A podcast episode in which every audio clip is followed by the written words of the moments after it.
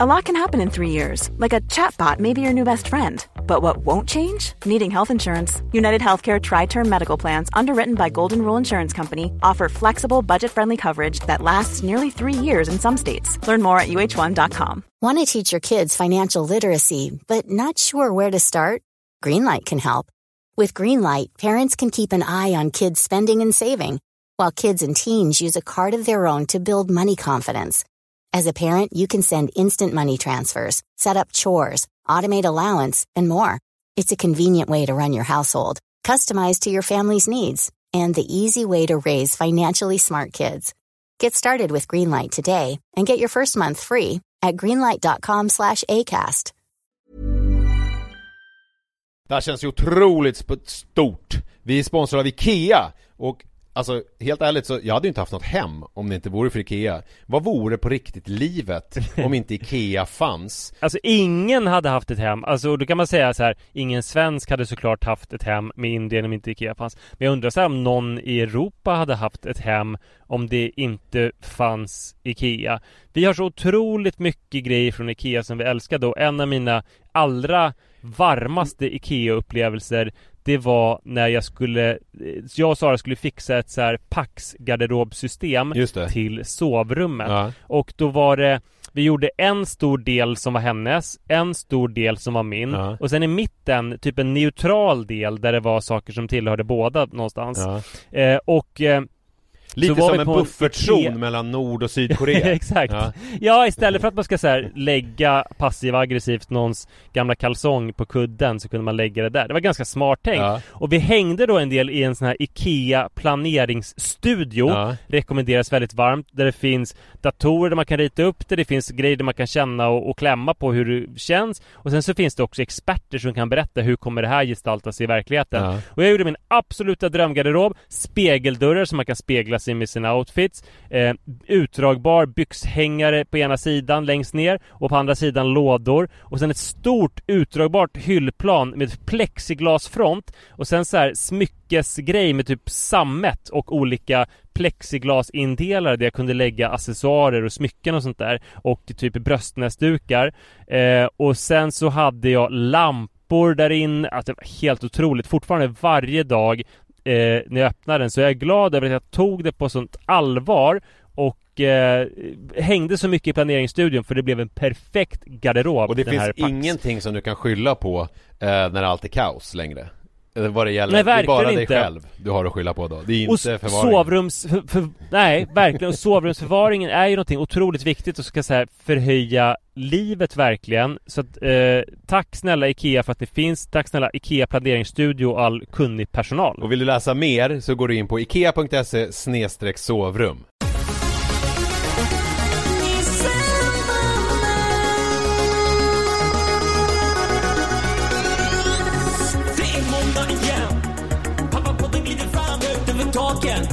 Like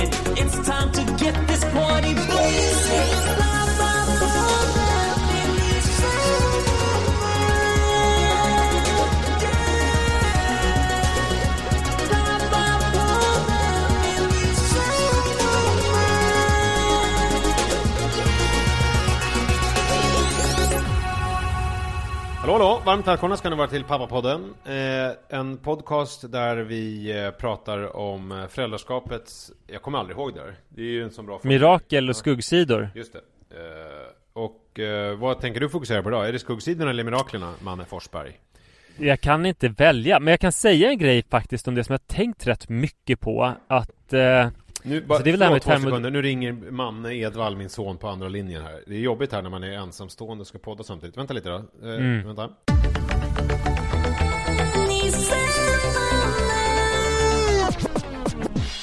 Ja, hallå igen, Manne Hallå. Forsberg Det var eh, Manne Edvall, han undrade vad de här fem siffrorna heter Du vet som vi har 1, 2, 3, 4, 2 och då sa jag postnummer, då sa han tack så mycket och så la han på luren ja, bra. Ja, det var ju lätt att lösa. Ja. Nej men eh, med skuggsidor och mirakel så jag tänkt lite på det där att jag känner mig så trött på skuggsidorna. mm. Det kändes som när vi startade den här podden så var det som att Jag vet inte om det stämde. Alltså vi gjorde det med en idé om att att folk idealiserar och idylliserar föräldraskapet. Och det var väl, fanns väl en bild också av så att Mama, som var en tidning som då var hyfsat nystartad, den startade 2004, att den liksom sålde in föräldraskapet som något glossy Just och det. eh, det var väldigt homestylat och barnen var liksom glada och perfekta och sånt där. Jag vet inte om det stämmer men, men vi vill väl göra någon slags reaktion på det dels och sen så tänkte vi att eh, skuggsidorna oftast är bättre innehåll än miraklerna. Just det. Eh, och det är väl sant, men jag tror att jag står inte längre ut med skuggsidor som inte är liksom roliga. Alltså till exempel en skuggsida som är rolig om jag får slå mig för bröstet var ju när Iris fick sitt hummerutbrott i Liljeholmens galleria och ville ha hummer. Det var ju roligt. Ja. Alltså det var ju jätte, jätte, jättejobbigt där och då, men det var roligt man berättade det.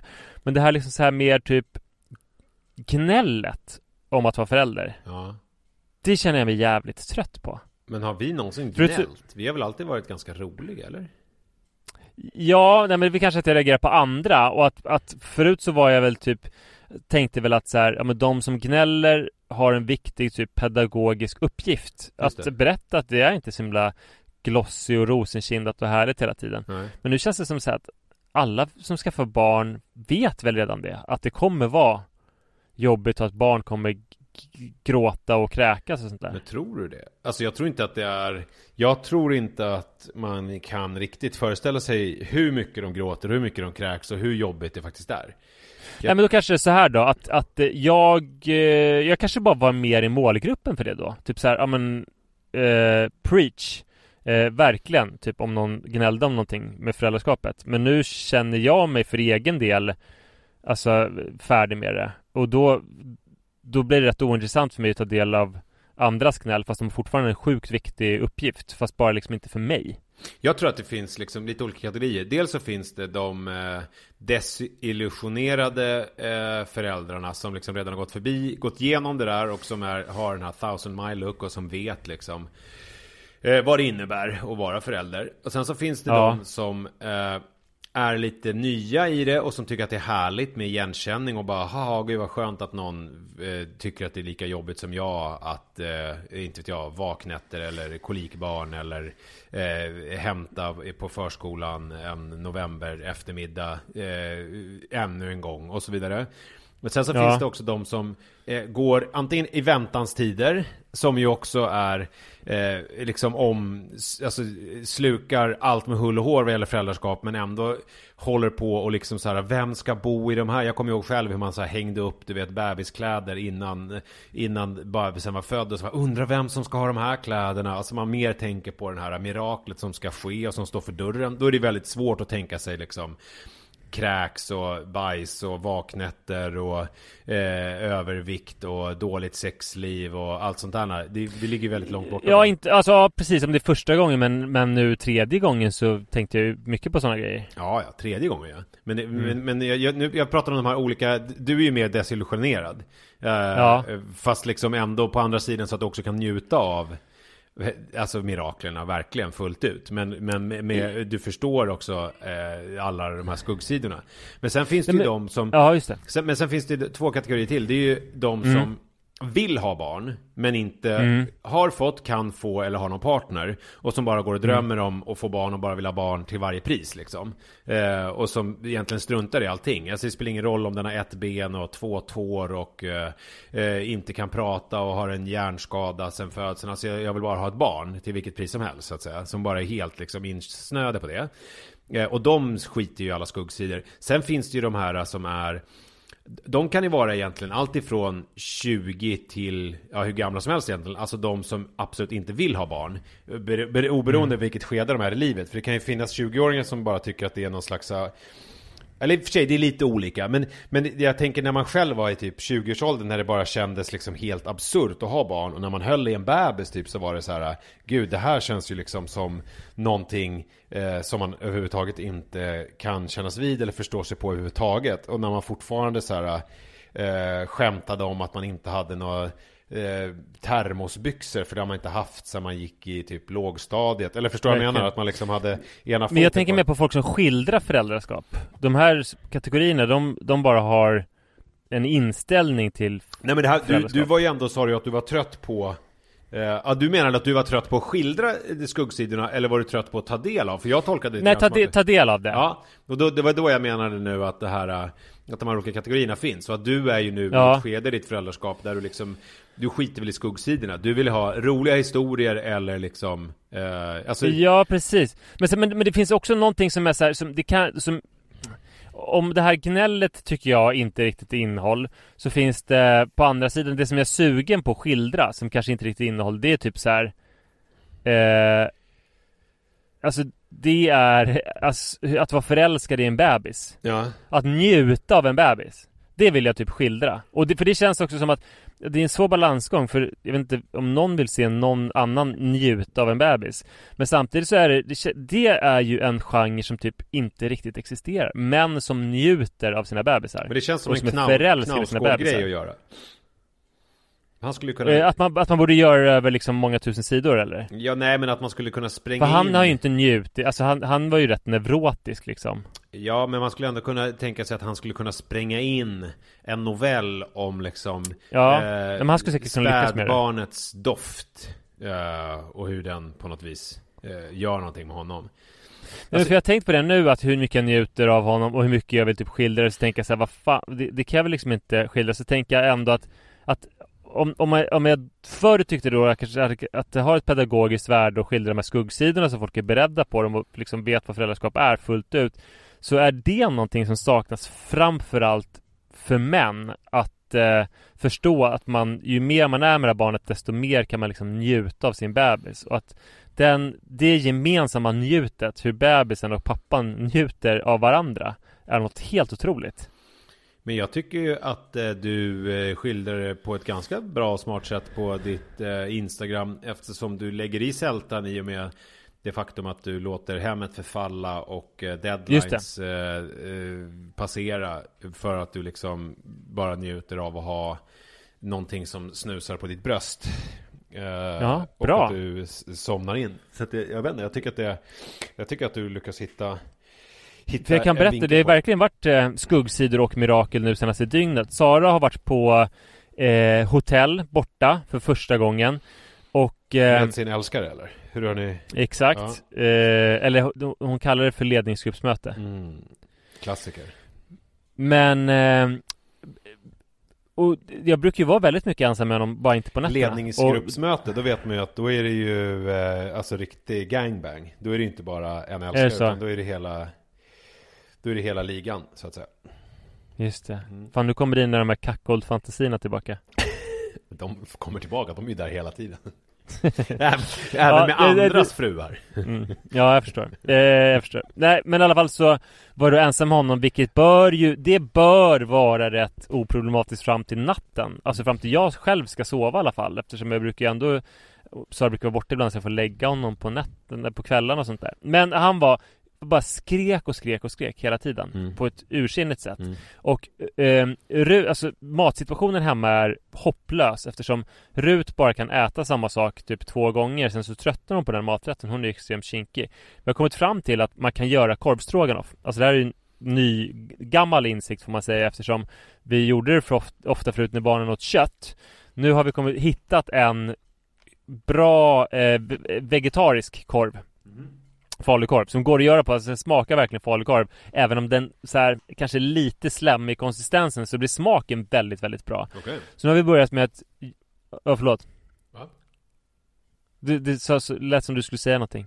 Nej, jag, nej. Nej, nej, du bara lyssnar andäktigt. Ja, nej, vi har kommit fram till att vi ska äta det varje måndag för att det är så pass populärt. Och nu dessutom så Eftersom jag på måndagen visste att det skulle vara körigt på tisdagen För det är massa hämtningar och lämningar som vanligt olika idrottsaktiviteter. Jag skulle vara ensam med Adrian.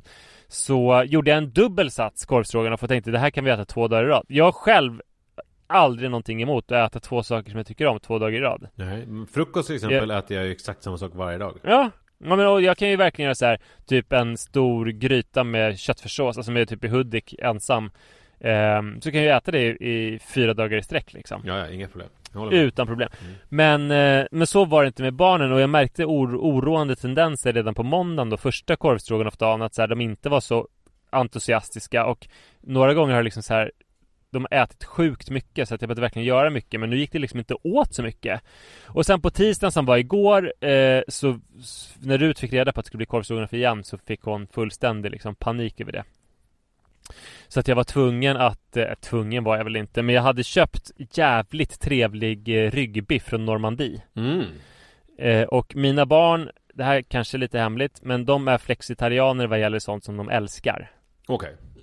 Eh, ryggbiff och tryffelsalami typ. Och Det är ju som prosciutto. när Liv var Alltså min exfru, kommer du ihåg henne? Jag minns henne väldigt väl. Jag träffade henne bara för tre veckor sedan. Eh, när hon var eh, På ledningsgruppsmöte. Ja, ber- berätta mer. Eh, När hon var eh, Baloni-vegetarian Alltså när hon fick äta Baloni ja.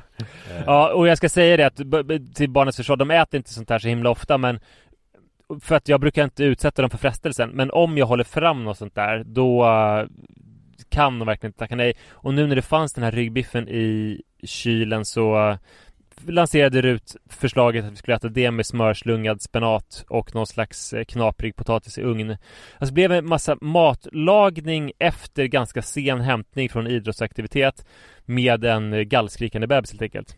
Och jag får panik Fan, jag märker det direkt. Det blir ja, ja, men, skuggsida i alla fall nu ja, men jag märker att det är inte, det känns ju inte som innehåll. Alltså han skrek, jag, jag typ så här, jag blev så här, vad är det du vill? Att du vet att man, att först man bara vankar honom lite på höften och pussar honom och kollar, ger honom lite vatten eh, och sen så blir man så här, vad är det du vill? Och Iris ser ut bara, men du kan inte prata med honom så. Jag bara, jag, jag vet väl det, men jag är förbannad. Vi har en bebis som aldrig vill sluta skrika. mm. Fast han bor i ett jättebra hem och har en torr blöja och en älskande familj och allting. Kan han bara hålla käften?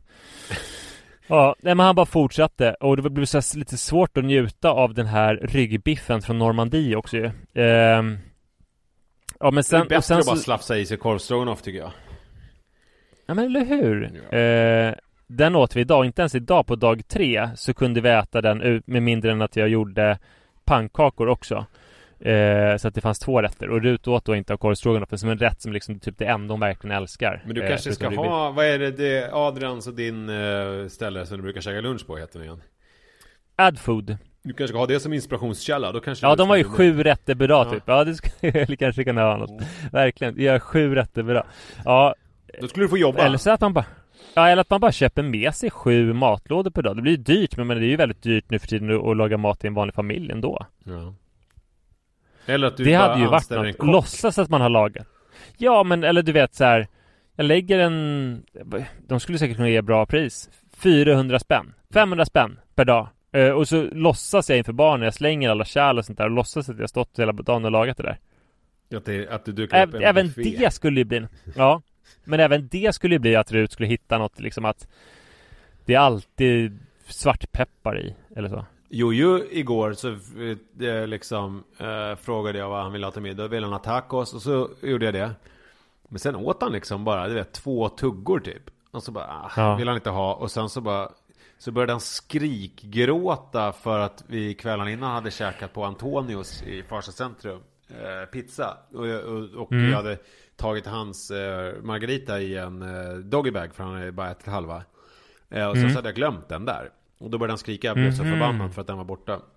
Och då hade jag lite falukorv i ugn. Eh, som låg i kylen. Och då ville han äta det. Så det kändes Fan, liksom... falukorv i ugn hade du förra veckan också. Vad är det här? Jag tror faktiskt, om jag ska vara helt ärlig, att det är samma falukorv i ugn som är kvar i kylen. Oh fy fan. Ja.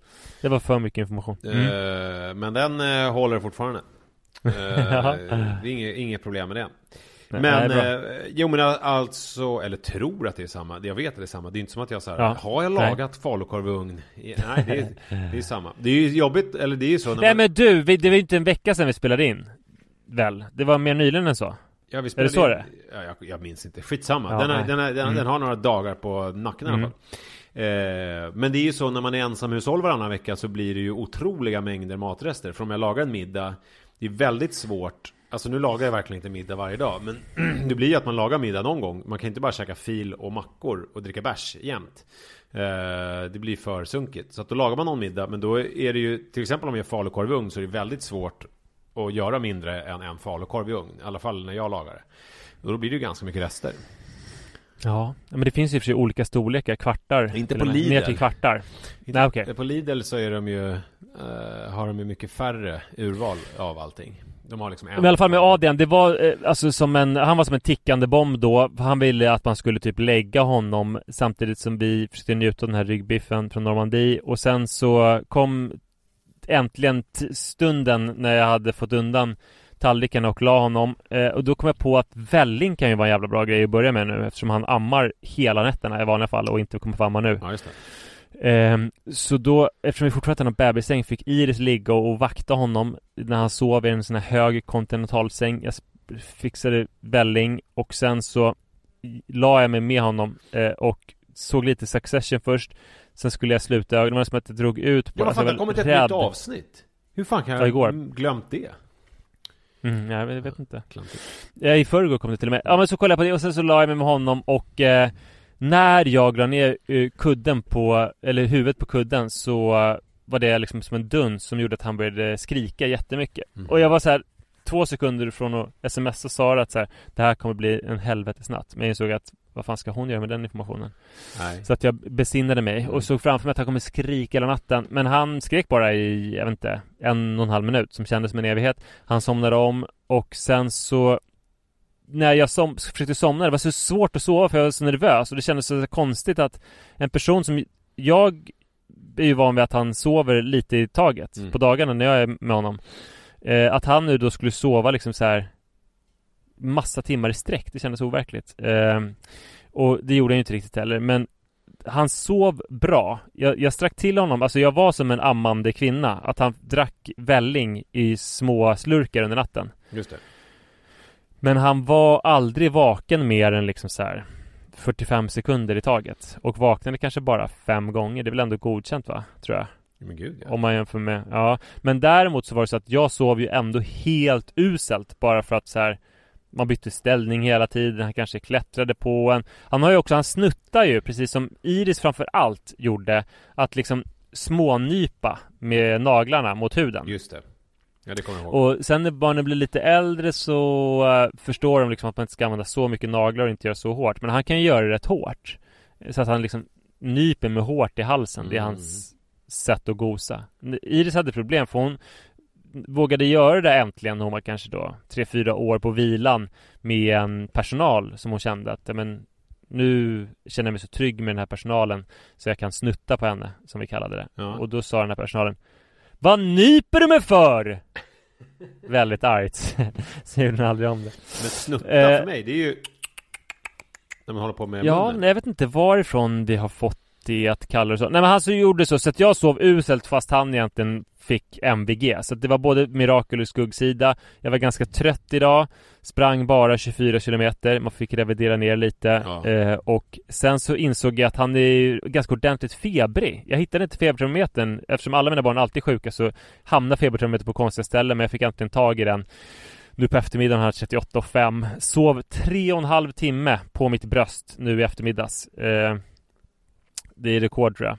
Ja. Så han var sliten efter en natt, fast natten gick bra. Så att han, han är sjuk och eh, hela han var en skuggsida och ett mirakel. Men mest mirakel ändå. Jag njöt av honom. det räcker inte att beskriva en skuggsida och sen säga att det är ett mirakel. Jag tycker inte det håller. Nej, Nej. nej men, eh, men jag njöt ganska mycket av honom i natt också. Men, men det mest njutbara på hela dygnet, det är det här jag beskrev förra veckan. När det är så här, ja men jag kan inte jobba, jag kan inte städa, jag kan bara gosa med den här bebisen. Alltså att han ser till det, att han bara vill ligga på mig. Dock, idag blev det ju lite tråkigt eftersom han ville komma upp efter typ 40 minuter, så det var två timmar och 50 minuter eh, med honom på mig i soffan. Det var nästan lite för länge. Ja, det, är- det är ju otroligt länge. Då måste vi ju liksom, Ja. hela du har somnat. Ja. Ehm, jag bara lite kort vill jag sticka in med en, en, en liten snabbis här. Det tycker jag Ehm, verkligen. Det är världens sämsta pappautblick som någonsin har uh, gjorts. Med, sko, Oj! med skohorn uh, tvinga in det. Hiring for your small business? If you're not looking for professionals on LinkedIn, you're looking in the wrong place. That's like looking for your car keys in a fish tank. LinkedIn helps you hire professionals you can't find anywhere else, even those who aren't actively searching for a new job but might be open to the perfect role. In a given month, over 70% of LinkedIn users don't even visit other leading job sites. So start looking in the right place. With LinkedIn, you can hire professionals like a professional. Post your free job on linkedin.com slash spoken today. Wow. Nice. Yeah. What you're hearing are the sounds of people everywhere putting on Bombas socks, underwear, and t-shirts made from absurdly soft materials that feel like plush clouds. Yeah, that plush. And the best part? For every item you purchase, Bombas donates another to someone facing homelessness. Bombas. Big comfort for everyone. Go to bombas.com slash ACAST and use code ACAST for 20% off your first purchase. That's bombas.com slash ACAST. Code ACAST.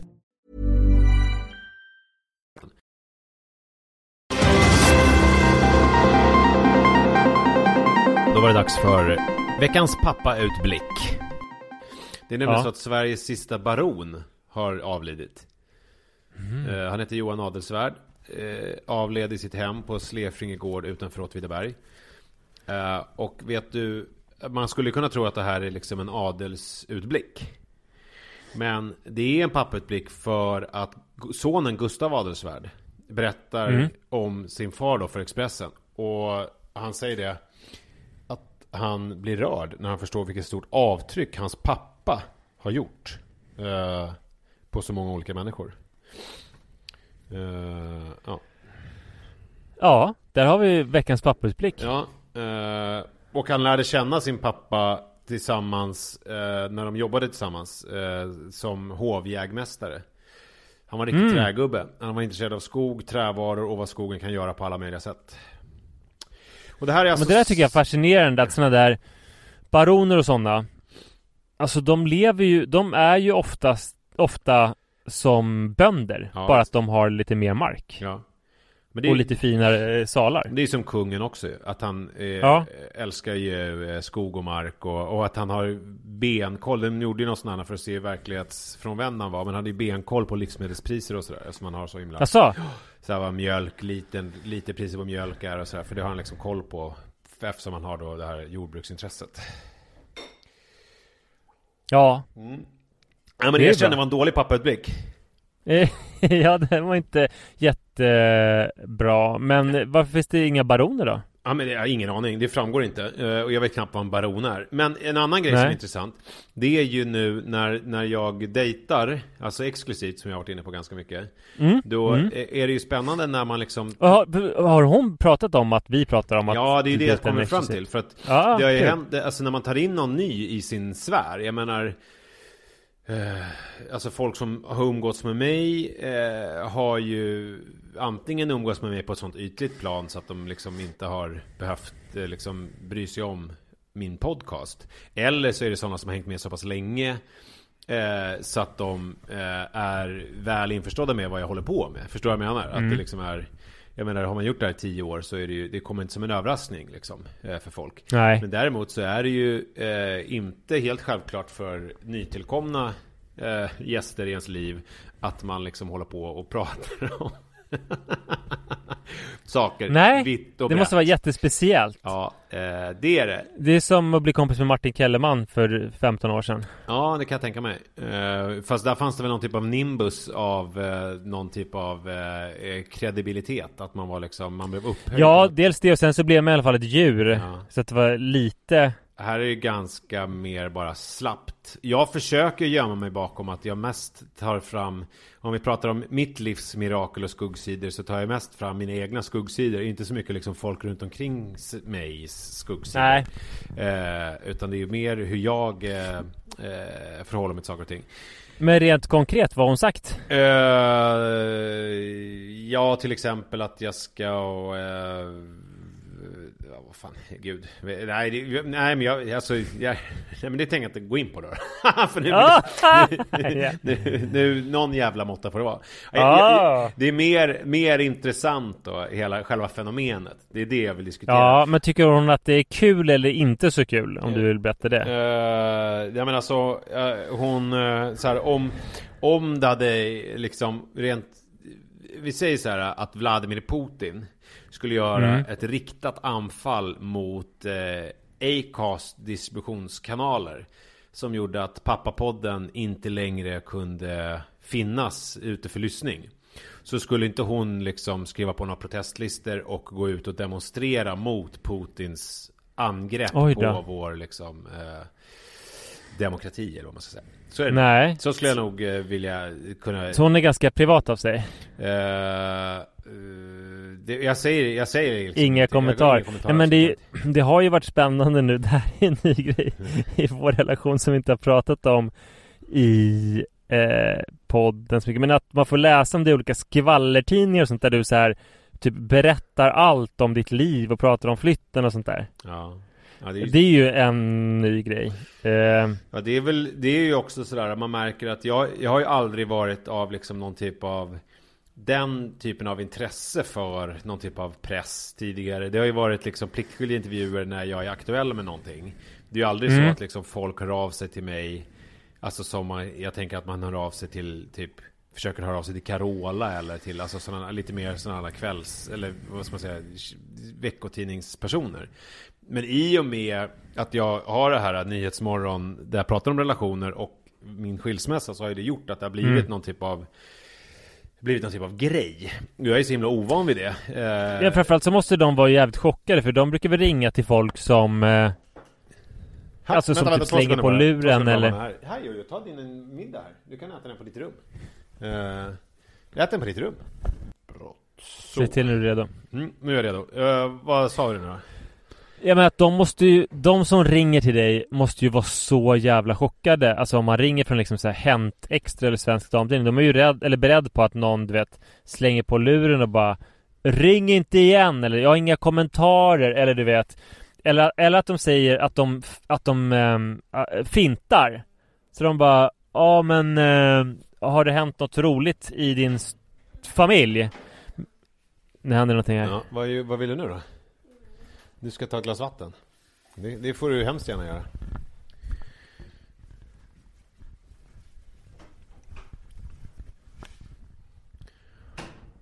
Ja. Eh, ja. Jo, eh, nu ska vi se. Säg om den här meningen då. Manne Forsberg. Yes Ehm, Att de ringer. De Vad sa du? Ja men där att de ringer. Eh, de som ringer till dig då måste ju vara extremt chockade för de är ju vana vid att den de ringer till liksom slänger på luren eller säger ring inte mig din jävla hyena Eller att de får liksom finta så att de bara Har det hänt någonting med din kusins kusins kusin? Där de bara ja min kusins kusins kusin har fått en bebis men ska väl du skita i? Och sen så sätter de rubriken så här Familjelyckan för Hasse Aro typ du vet Ja. Eh, men med, när de ringer till dig så får de ju så här genuint mysig pratstund där du berättar om ditt dejtande och flytten och Fan. hur det är att flytta för första gången Lägg och... av, så där är inte alls. Fan vad taskig du är nu. Så här är det. De... Vadå, jag har citaten här! Ja, men- Så, eh, Du, du, ja, du har citaten. Du, vad tror du liksom? Ja. till exempel där eh, Ja, det får jag. Alltså meddelanden i inboxen från tjejer som vill dejta. Ja, det får jag. Det kommer en hel del. Men jag försöker ta det lugnt och bara landa. Men jag har dejtat och det har varit jättekul. Det har mest varit på skoj och har inte varit seriöst. Vi har träffat folk och det är väldigt kul med de nya apparna som finns. Så man kan träffa någon, ta en öl och snacka skit. Men eh, skulle du, alltså, vad, vad, apropå innehåll. Är det, är, det, är det här sämre eller bättre för podden att jag gör så här? Än- Bättre såklart. Ja, det är klart att det är bättre, eller hur? Så Ja. det, det är ju, eh, jag ser att jag gör mig själv och eh, oss båda en tjänst. Och eh, framförallt Ja, mig nej, men också. Att, det, att det blir väldigt mycket roligare att göra sådär. Men sen är det ju så att eh, just det där, där har jag, blev jag ju inte uppringd alls. Det där var ju att jag var på en eh, invigning av det här skojsiga Kallar de det för museum? Jag vet inte liksom vad kategorin är för ett museum. Det här eh, upplevelsecentrat eh, Paradox eh, Mm. i centrala Stockholm där man får se lite olika optiska synvillor och annat. Man får gå runt i en liten värld. Det är lite som någon slags Lustiga huset varv blandat med Tom Tits och Tekniska museet på något sätt. Eh, och olika, ja. Eh, och då när jag kom in dit, det var jag inbjuden på någon sån här ettårsjubileum. Eh, och då eh, kom ni fram en journalist och började ställa frågor. Och då tycker jag ju att det är jag, jag tänker ju ofta på den här Vilket ju inte har någonting med någonting att göra egentligen. Men den här historien som jag berättade om när jag var på gymnasiemässan 1996 i Älvsjö. Och eh, träffade Sara Zetterqvist som du vet spelade i Tre Kronor som jag pratat om tusen gånger som sen blev tulltjänsteman Ja, eller vad blev. verkligen. Ja, som jag växte upp med. Ja, som du växte upp med. Och eh, när man gick fram till henne och typ sökte lite kontakt så sa hon eh, Jag är faktiskt här som privatperson. Och man tyckte, Ja, man tyckte det. att det var Det det värsta man har varit med om i hela mitt liv. Och jag tänkte så här, Mm. sån där människa vill jag aldrig bli. Sen har jag ju varit lite åt det hållet ju. Det vet ju du att så fort jag blev lite halvkänd så skaffade jag ju hemligt nummer. Och jag liksom tyckte det var skitjobbigt när folk kände mig på stan och var ganska så här otrevlig och slutade åka tunnelbana efter att ha varit på MTV i typ fem minuter. Eh, och det tyckte jag ju också var eh, vidrigt. Så att nu försöker jag ändå bara vara till lags. Och då tänker jag när man är på Mm. sån här event det är liksom konstigt att bara, och då säga Sara Zetterqvist-aktigt Jag är faktiskt här som privatperson, för det är jag ju inte Jag är ju jag är ju inbjuden dit eh, För att jag är en offentlig person och så här, ja Så att då tänker jag, då ska jag ändå Ja, svara ja, ja, men det måste, det finns väl någon mellanväg. Alltså att inte berätta om sitt dejtande i detalj. Men... Det gjorde jag ju inte men, heller. Jag tycker ju att jag Alltså, verkligen inte så här, det jag skulle komma fram till var egentligen att, att det, alltså det är ju, alltså, som, som du säger, det är kul för podden, det är uppfriskande på alla sätt och de här personerna som ställer olika frågor till dig får ju en jättemysig stund där du berättar om flytt och relationsstatus och sånt där. Men jag bara ville ge den här personen som du dejtar exklusivt och delvis rätt att det måste vara speciellt att komma in i Martin Kellermans liv på det här sättet. Ja, ja det är det ju. Jag har ju Innan jag dejtade exklusivt så var det ju eh, Hände det ju att det var folk som avvek så att säga På grund av eh, Det här faktumet När det kom fram eh, olika sådana här saker det hände Att du berättade saker typ om nötallergi eller så i podden. Nej, men att det liksom var eh, Att det var Att jag var Ja, att, att det syntes på bild i olika sammanhang och sådär. Eh, så att det är ju, eh, ja jag vet inte, det är som det är. Jag, jag försöker ju inte tänka så mycket på det överhuvudtaget eh, och bara eh, slappna av. Men jag vill ju samtidigt inte göra bort mig fullständigt. Men det är ju lite svårt att vara jag så tillvida att det är ju eh, Alltså, du vet, det är svårt Alltså man kan ju ha som intention att eh, vara på ett visst sätt. Men sen är det ju sådär att man eh, Det är svårt att lära gamla hundar att sitta och det är också svårt att när man ager, agerar på impuls som jag ju liksom ganska ofta gör eh, och liksom bara ska möta saker i stunden eh, och reagera eh, så, så blir det lätt sådär och det är svårt för mig att i efterhand eh, liksom helt och fullt eh, jag, jag, för jag, det är ju inte som att det är medvetet. Det är ju inte som att jag tänker när jag går till det event att så här, nu ska jag liksom fläka ut mig. Utan jag bara ställs inför liksom fullbordat faktum att det kommer fram någon och ställer frågor. Och jag står med min, mitt, liksom, mitt syskonbarn och min son jämte mig. Och jag, jag tänker bara så här, nu måste jag bara svara fort. Och jag vet liksom inte riktigt vad jag säger. Och sen så går jag vidare och har en trevlig dag. Och så, men sen så är jag också så här, jag vill ju leverera. Jag vill ju alltid leverera innehåll. Jag menar det det är ju det är ju så jag är uppfostrad. ja, men man är en leveransmaskin liksom. Att det, jag vill ju att det ska bli kul och att folk ska liksom få något göttigt att läsa. Eh, sådär.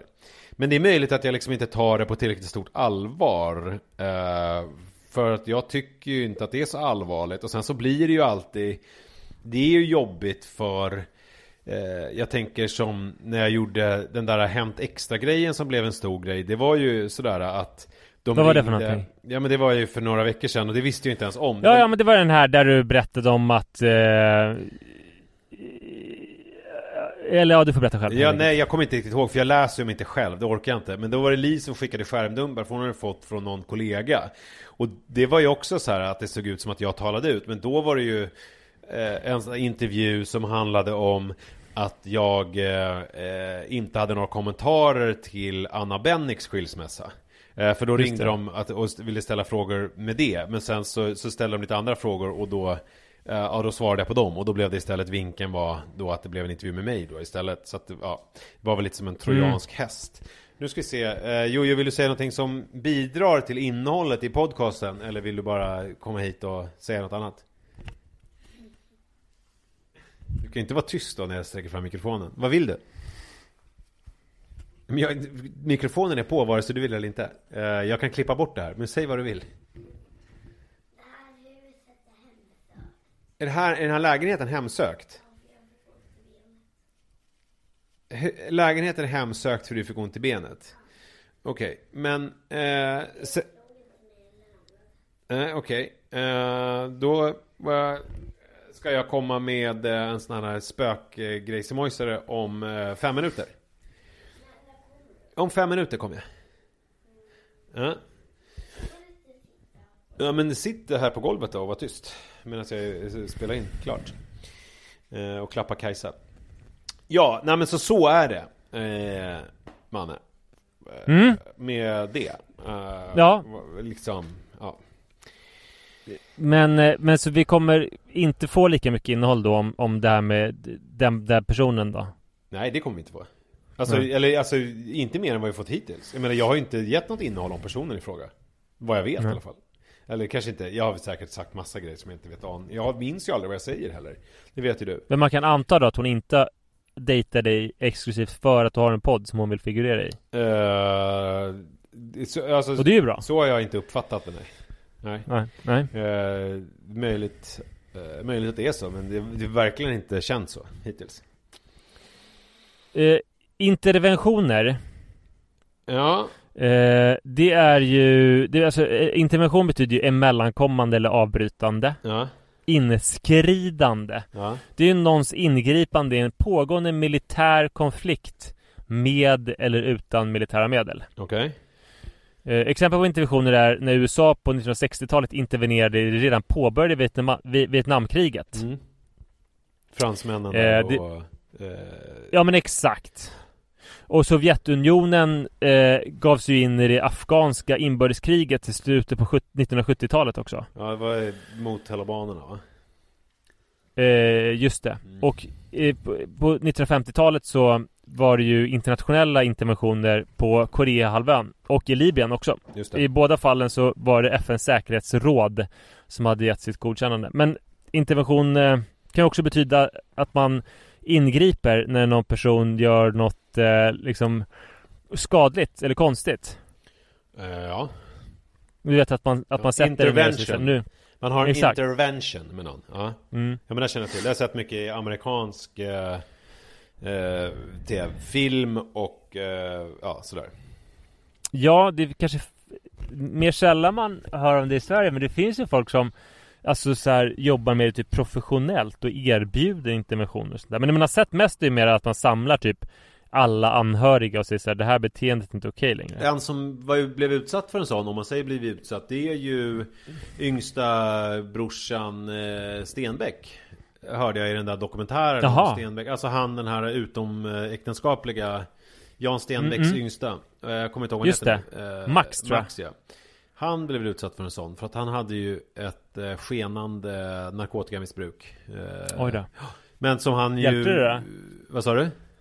Hjälpte det då? Ja, det gjorde det. Han är ju nu Mm. en sån... Eh, alltså den eh, drogcoachen om... Ja, det kanske inte var rätt ord för det. Men alltså den personen som hjälpte honom eh, att bli av med sitt missbruk. Eh, de jobbar ju tillsammans nu. Och eh, han är också en sån... Eh, ja, drogcoach. Drogcoach. På bättre eh, uttryck.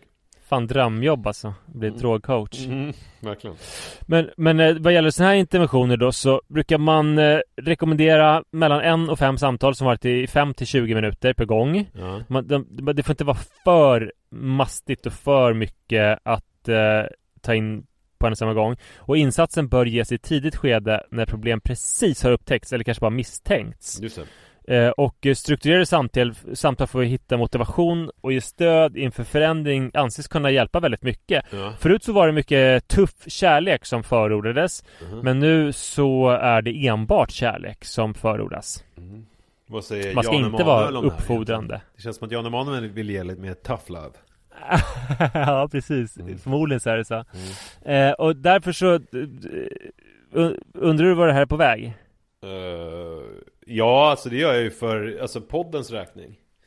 Ja, Ja. Men jag skulle vilja göra en sån här med dig Jaha. Jag tror att det kommer mm, Alltså det kommer inte bli fem minuter, det kanske är tre minuter Det är bara någonting som jag upptäckt som, och, alltså, och du är inte en till fem personer heller? Du, Nej. Eller en person är det ju i och för sig. En till fem, en till fem samtal var det. Jaha, okej. Ja. Så, så det, det, här, det blir kanske bara ett samtal, det beror på vad, lys, vad det blir för lyssnarrespons. Ja. Och man kan ju se det som att vi är rätt många nu, om det är fler som har tänkt på det här. ja, just det. Men jag tänkte på att du inom en väldigt kort tidsrymd Mm. på Instagram började följa Kids Getting Hurt. Jag gick in och kollade, det var olika barn som eh, gjorde illa sig bara. Ja, just det. Jätte, äh, jättehemska bilder ofta liksom. Ja, visst är det Att de- ganska konstigt konto? Ja, verkligen. Ja. Och sen För- så... Men det som är roligt med det, förlåt, du ska fortsätta med din intervention. Ja, ja. Det som är roligt med det är ju att, för jag, jag hittade väl det, eh, tror jag, för att jag följde, började följa någon sån här typ Adults Getting Hurt motsvarande. Ehm, eh, och eh, då så hittade jag det där Kids Getting Hurt. Och det är ju någonting med när Kids Getting Hurt som inte alls är lika roligt som när Adults Getting Hurt. Nej, det låter ju bara som ett en dåres försvarstal. Jaha. Att du ska verka lite mer rimlig. Men absolut. Eh, och sen så började du också följa eh, Drunk People Doing Things. Mm. Som också mest var att, att folk gör illa sig liksom. Eh, America's Got No Talent. Vilket var samma sak, att Ja. folk Ramlar. eh, gör bort sig och ramlar och slår sig och Ja. illa sig. Eh, och sen också Girls Who Slam. Ja. Där det är samma sak fast det är enbart då tjejer och kvinnor ja. som gör illa sig. Man kan säga så här att det är ju ehm, lite samma princip som B. Wahlströms ungdomsböcker. Att när det är adults getting hurt så är det ju Ja. män. Företrädesvis. Ja, Eh, men sen så eh, är det liksom en speciellt då som heter tjejer. Eh, ja, ja precis, exakt, ja, verkligen. Och det Mm, tror jag, men, alltså, och, det- ja, till skillnad från det här B. Wahlströms ungdomsböcker Så tror jag inte att det finns liksom misogyni på samma sätt Utan jag tror att det är för att män är idioter Så att om man Mm. tar liksom, om man ska ha ett konto där eh, vuxna gör illa sig Så är liksom 99% av dem som filmas när de gör illa sig är män För att män ja, alltså det är lite mer exklusivt content då med Ja, så då måste man bara bli lite kvinnor. mer som att leta guldkornen När man ska hitta då Ja, kvinnorna ja, som det. gör illa sig på samma dåraktiga sätt. Nej, men, och sen så är det ju, det här märkte jag bara att, att du eh, liksom på några dagar började följa de här Men jag orkar inte gå tillbaka och göra noggrannare research än så. Det Nej. finns säkert enormt mörkertal med enormt många sådana här eh, Instagramkonton som du följer Där du då får ut någonting av att se folk göra illa sig Det kändes ju jätteobehagligt Vad är det här för någonting? Särskilt kids getting hurt, vad är det Nisse? Nu får du berätta, är det någonting du tänker fortsätta med och hur försvarar du det egentligen? Eh, det, här, det här kom ju väldigt tidigt måste man ju säga då Som du säger att det är bra att och Ja. liksom mota Olle in tidigt Är det möjligt att du är någonting på spåren där Att jag i takt med att liksom mitt egna privatliv sakta men säkert faller samman Vill eh, liksom se andra som på något sätt gör illa sig Att det blir som någon typ av eh, eh, skära sig själv i armen by proxy att jag liksom ser andra göra illa sig för att liksom fylla någon tomhet i mitt eget bröst. Eh, men Ja. jag, jag har liksom inte sett på det så än så länge. Utan än så länge så är det väl bara, äh, en bärs till i solen en tisdag gör väl inget. Alltså det är väl mer på den nivån nu som mitt det här, äh, men, men det är möjligt att jag är på väg mot att sitta och skära mig själv för att liksom få bort ångesten. Men, men jag har inte Ja, tänkt eller på då, det. Ja. eller skära andra, eller du vet lägga ut krattor och bananskal där barn går. Men det, det som jag kanske borde tagit reda på inför denna intervention, det är ju för att det kan ju ha något terapeutiskt syfte då, så här att du tittar på det här istället för att gå ut och eh, handgripligen ge dig på folk. Nej men en sak dem- som det nog är Det är väl att jag istället sitter och tittar på det för att till exempel läsa För just nu är jag inne i en väldigt dampig period När jag har Ja. väldigt svårt att liksom De få stunder när jag faktiskt eh, sitter ner och tar det lugnt Så har jag väldigt svårt att komma till ro Alltså och speciellt nu Mm. i samband med den här flytten och allting Jag menar den här veckan, jag är helt slut alltså Jag har ju knappt suttit ner Så Jag vet att du också följer mig på Strava och sådär Du har ju sett att jag har ju inte Mm. Det har ju varit noll aktivitet den senaste veckan För att jag är helt färdig För jag är liksom Idag har jag ju Det här är första gången jag sitter ner idag så När jag pratar med dig Jävlar. För jag har kutat runt Vad har, du, vad, vad har du gjort då rent eh, Nej men idag har jag dels praktiskt? varit med Jojo Nu är dagen. interventionen slut för Okej, övrigt. ja, eh, bra. Nej men idag har jag ju sprungit runt på stan med Jojo första delen av dagen för att han eh, var ledig hela dagen på grund av att vi var på hans ögonläkare eh, på Mm. förmiddagen och sen så hade vi det som går under namnet Jojo-dagen. Det, som, det är ju ditt exempel. Ja! ju. ja! Nu är det Ja. Jojo-dagen. Vad var det idag? Var det Jojo-dagen 4 eller Jojo-dagen 5 Jojo? Det var Jojo-dagen 5. Oj! Jävlar. Var det jojo-dagen fyra? Ja, det var jojo-dagen fyra idag. Eh, och det är så att nu, det är många jojo-dagar. Ja, det blir det ju. Så att Ja. vi var inne i stan och sen så när jag kom hem så har jag Alltså gått runt och gjort i ordning köket Alltså jag håller på och organiserar och sen så har jag satt upp en sån här Stor jävla monstrum till Elfa eh, bokhyllsystem eh, Och då är det liksom inte bara att sätta upp den här listan utan sen är det också Du vet när det är tre olika hyllplan som ska liksom eh, fästas ihop på de här konsolerna och det är alltså helt jävla färdiga. Eh, ja. Men ser du någon, eh, alltså du, du köper saker och skruvar upp saker och sånt där. Ja. Ser du något liksom, någon slutpunkt? Nej men jag tror närma att så här, när jag fått upp den här bokhyllan nu För jag har liksom en miljard kartonger som du har burit upp bland annat Som står inne i vardagsrummet eh, Med Mm. alla de här böckerna Och är det någonting som gör att det ser väldigt oinflyttat ut Så är det ju när det fortfarande står liksom ouppackade kartonger För nu har jag fått upp den här hyllan Det tror jag du gjorde hos oss i flera år. Ja. faktiskt. Ja men det, det, det funkar väl kanske om man kan ha dem i något litet rum, i någon vrå. Mm. Men här finns det ju ingen sådana ytor. Utan de är liksom Eftersom det är en trerummare så är ju alla rum upptagna. Liksom, jag kan ju inte ha kartongerna Mm. i barnens rum. Det känns ju sjukt. Och då är de i vardagsrummet som också är mitt sovrum. Eh, Jag tror lifehack att man kan göra typ ett soffbord av kartongerna. ja men det är svårt att göra ett, Och ett en soffa. Så behöver man av- inga möbler. Ja, nej. Ja, men, så att, men nu är den hyllan i stort sett, nu har jag liksom bara ett hyllplan som jag ska skruva fast till Sen kan jag bara kasta upp de här böckerna och det är ju liksom det mest angenäma Och då tänker jag alltid så här, men nu kanske jag ska sortera dem lite i bokstavsordning Men det kommer ju absolut inte hända utan jag kommer bara kasta upp dem och sen så kommer de stå Mm. som det blir Eh, Mm. Och så kommer det vara Hur reagerade barnen då på sina rum? Eh, alltså väldigt liksom eh, Alltså väldigt Alltså ja, Varken eller Alltså väldigt Nej. sådär uh, Numb är väl det engelska ordet Jag vet inte hur man ska alltså, Men det är väl ändå ganska bra reaktion? Ja, jag tror det också. Det är liksom, du vet ett, ett nytt rum ska väl vara som en pappa som kommer in i ett rum. Man ska varken bli glad eller Mm. arg eller ledsen eller någonting. Utan man ska Nej. bara, ja här är mitt rum. Eh, men de är otroligt mycket större, eller hur Jojo? Det är ju större rum här än vad det var på förra stället. Jappidoodle, Men Jojo, har du sovit någon gång i din egen säng sen du kom hit? Neppidoodle. Nej, så är det.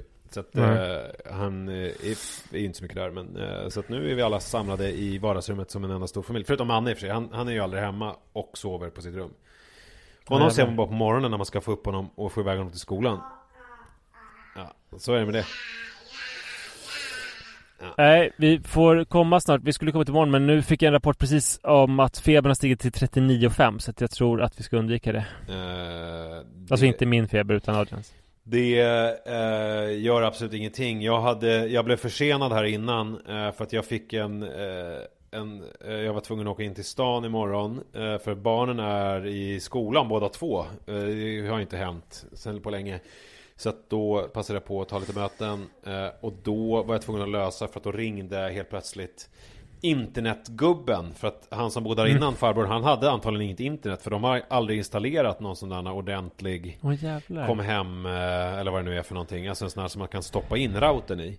Eh, Så att imorgon så skulle han komma hit då Men då har jag fått min otroligt gulliga granne som jag känner under Som är hemma imorgon Att ta min nyckel och släppa in vederbörande Ja, det är bra. Eh, Ja det är otroligt Härligt med grannar, eller hur? Ja, verkligen. Vi har ju grannar som har en bebis dessutom. Mm. Som bara är Oscar, som bara är två år äldre än Adrian. Två år äldre, det är ju ganska mycket den Nej, två, två, må två månader.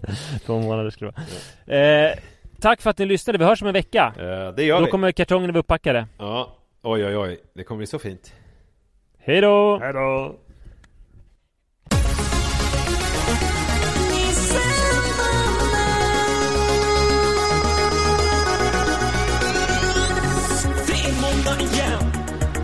Pappapodden glider fram högt över taken Like a raven. It's time to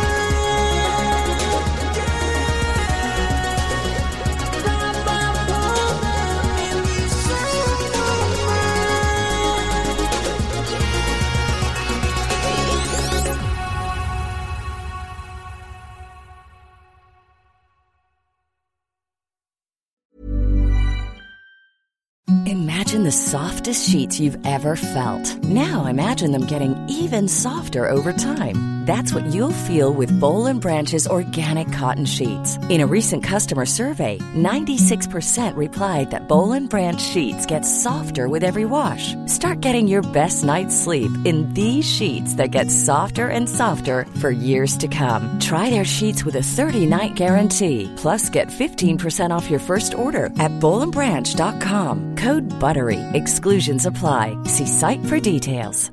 Imagine the softest sheets you've ever felt. Now imagine them getting even softer over time. That's what you'll feel with Bowl and Branch's organic cotton sheets. In a recent customer survey, 96% replied that Bowl and Branch sheets get softer with every wash. Start getting your best night's sleep in these sheets that get softer and softer for years to come. Try their sheets with a 30-night guarantee. Plus, get 15% off your first order at bowlandbranch.com. Code BUTTERY. Exclusions apply. See site for details.